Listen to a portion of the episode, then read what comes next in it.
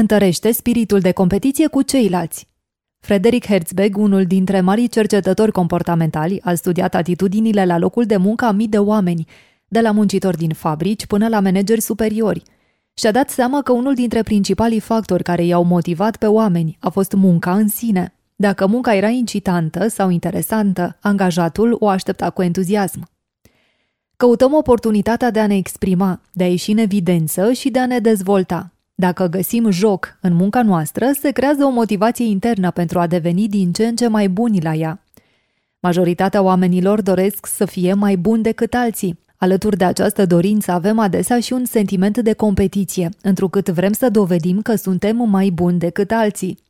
Când totul eșuează, poți motiva oamenii cu o mică provocare.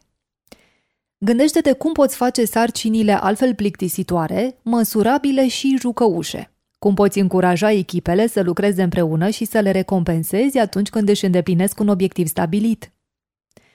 Asumă-ți intenții bune din partea celeilalte persoane. Construiește pe emoții mai nobile și presupune că cealaltă persoană este sinceră. Ceea ce credem despre o altă persoană este adesea confirmat. Dacă presupunem că este un om rău și ne va păcăli, atunci o va face. Dar adesea comportamentul nostru este cel care scoate în evidență ce este mai rău în ei. În schimb, gândește-te că oamenii sunt în general sinceri și le place să-și îndeplinească obligațiile. Vei fi surprins cât de mult vor încerca să se ridice la acest standard. Pentru aceasta, desigur, furnizezi cunoștințele și instrumentele necesare – Chiar și o persoană care tinde să îi înșele pe alții va răspunde în cele mai multe cazuri favorabil dacă simte că este considerată onestă și corectă. Ilustrația înseamnă succes complet.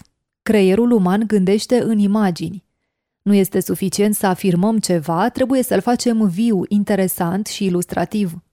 Asta face și televizorul. Reclamele TV oferă sute de exemple de tehnici de ilustrare. Ar trebui să faci la fel. Vorbește la figurat. Mobilizează imaginația vizuală a ascultătorului. Folosește povești. Dacă reușești să-ți ilustrezi punctul de vedere, puterea ta de persoasiune crește de multe ori, chiar dacă este doar o metaforă. Nu întâmplător și copywriterii încearcă să-ți influențeze emoțiile cu descrieri sugestive, deoarece luăm decizii pe bază emoțională. Atinge mai multe simțuri în același timp. Nu doar vorbi, ci și arată-le. Dă-le șansa să încerce, ajută-i să-și imagineze și lasă-i să atingă. Rezumat Putem rezuma pe scurt principiile prezentate în carte în 16 puncte care au loc și pe frigiderul tău. Cele 16 puncte pe care ar trebui să le cunoști pe de rost sunt următoarele. Nu critica, nu judeca și nu acuza. Arată-le celorlalți apreciere autentică creează o dorință lacomă în oameni. Gloria îi aparține întotdeauna celuilalt. Câștigi cearta pe care nici măcar nu o începi. Dacă vrei să faci o impresie bună, zâmbește. cheamă pe alții pe numele lor. ascultă cu atenție pe ceilalți. Vorbește despre ceea ce îl interesează pe celălalt. Dacă faci o greșeală, recunoaște-o imediat. Începe prietenos și caută acord. Începe cu încurajare și recunoaștere. Când scoți în evidență greșelile, începe cu ale tale și fi subtil. Întărește spiritul de competiție cu ceilalți. Asumă-ți intenții bune despre cealaltă persoană. Și ilustrația înseamnă succes complet.